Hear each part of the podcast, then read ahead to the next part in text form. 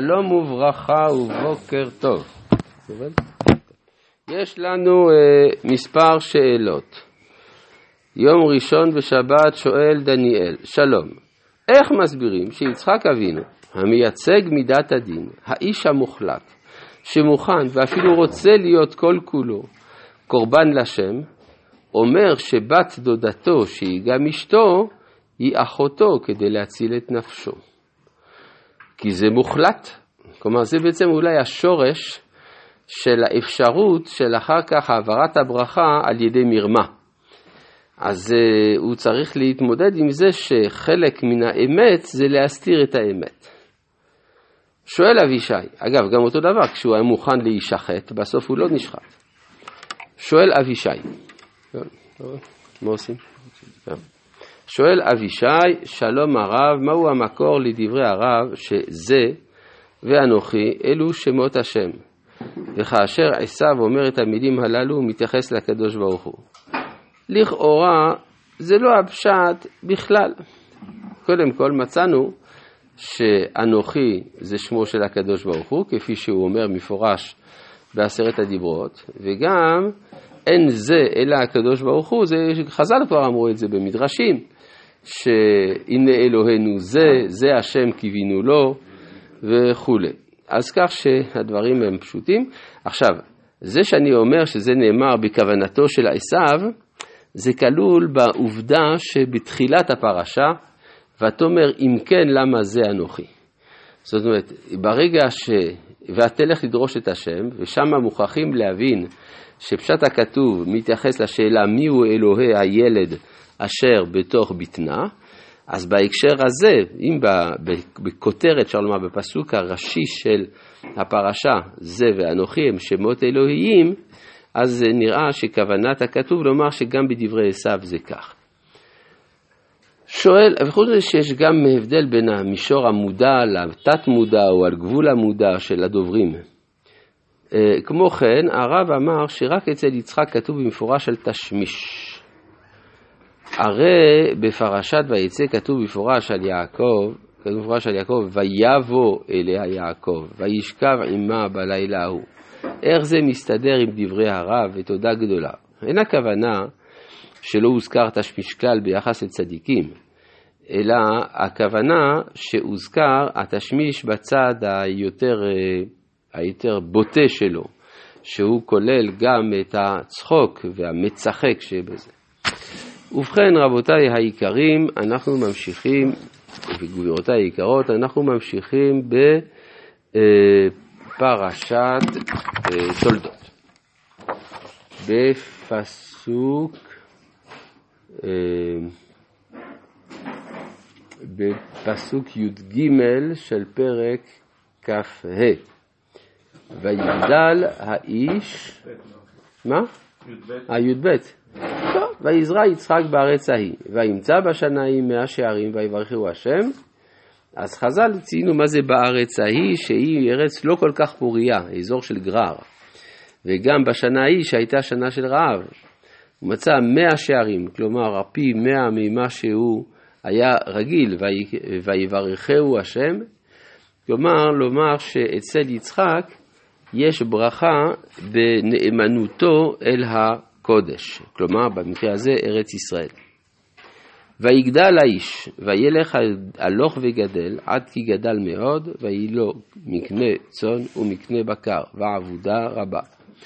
ויקנאו אותו פלישתים, וכל הבארות אשר חפרו עבדי אביו בימי אברהם אביו, סיתמו פלישתים וימלאו עפר. עכשיו מה שמעניין, לא ידענו עד עכשיו שיש בארות שנחפרו בימי אברהם. פתאום מספרים לך שהבארות שחפר אברהם, אז עכשיו אה, הפלישתים סותמים. אז למה זה מוזכר רק אצל יצחק, ובדרך אגב אנחנו לומדים מזה על אברהם.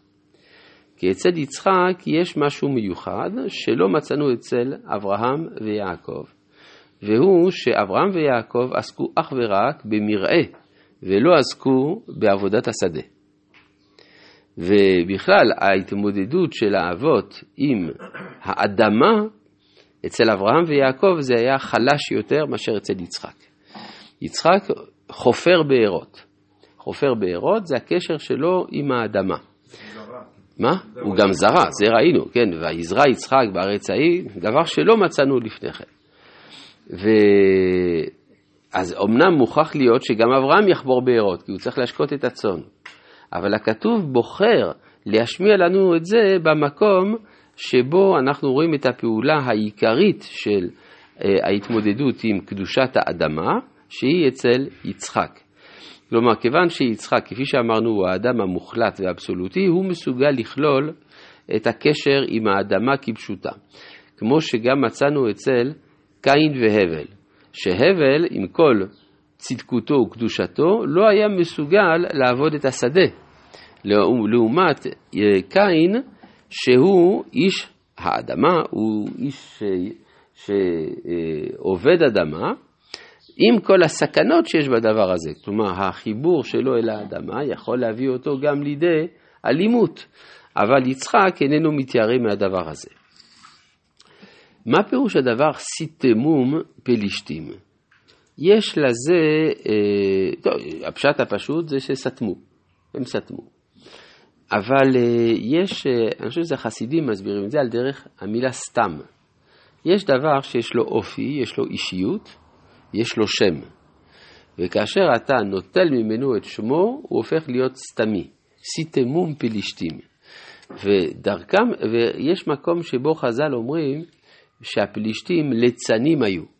אמנם זה לא אותם פלישתים, אבל זה שהתורה קוראת לזה פלישתים, כנראה שיש לזה איזשהו קשר, כמו שאנחנו רואים אצל שמשון, שמביאים את שמשון בשביל לעשות את הצחוק שלהם. אז העמדה של הצחוק זה לא רק שעשוע, זו עמדה, הייתי אומר, כמעט פילוסופית של, אה, של צחוק. זאת אומרת, אין לשום דבר ערך מצד עצמו, כל דבר הוא סתם, אימפרסונלי, היינו אומרים את זה בשפה שלנו.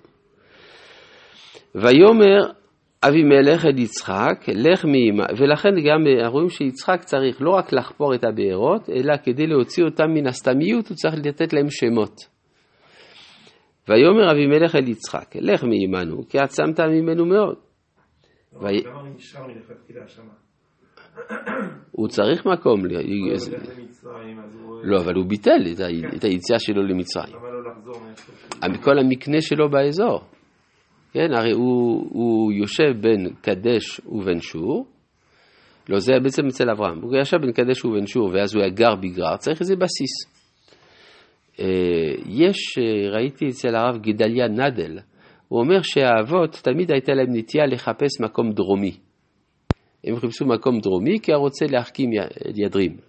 ומקום שבו יש מדבר, אז יש פחות אחיזה עם ענייני העולם הזה וכו'. יכול להיות שזו הסיבה שהוא היה שם. חוץ מזה, ארץ ישראל, מה? כן, אבל הוא הגיע ממקום אחר והוא ירד למצרים. בסדר, אז נעצר שם. גור בארץ הזאת, כן, הזאת, הזאת זה ארץ גרר, לא? כן. גם ליצחק היו צאן, אבל אה, הכתוב מדבר יותר על ההיבט, הייתי אומר, של המים, ואחר כך אצל יעקב הוא מדבר על הצאן. נו, אז מה? לא, זאת אומרת, כאילו יש...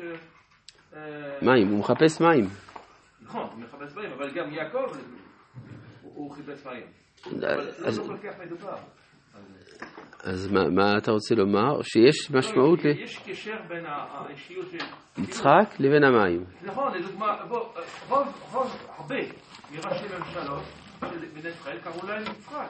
יצחק שמיר, יצחק, כאילו יצחק זה, כאילו יש קשר בין השם הזה לפוריות של האדמה. יכול להיות, בהחלט. מקבל, מקבל, אין שום בעיה. אגב, אה, מה שאומר לו אה, אבימלך, לך מעמנו, אז הוא מגרש אותו מאזור גרר. כן? זה אחרי אלפי שנים ראו שגירשו אותנו מאזור גרר. כן, גוש קטיף זה אזור גרר, זה ממש ככה. כן, אז השאלה היא, מה אתם עושים שם? כן, זה מה שאתה שואל. כן, אז אנחנו שם כי שמה זה ארץ ישראל, זה גם, נכון? טוב. אה, וילך משם יצחק ויחן בנחל גרר וישב שם. וישב, אז בעצם זה לא רחוק, זה ליד גרר. נחל גרר זה ליד גרר. וישוב יצחק ויחפור את בארות המים אשר חפרו בימי אברהם אביו, ויסתמו פלישתים אחרי מות אברהם. רבי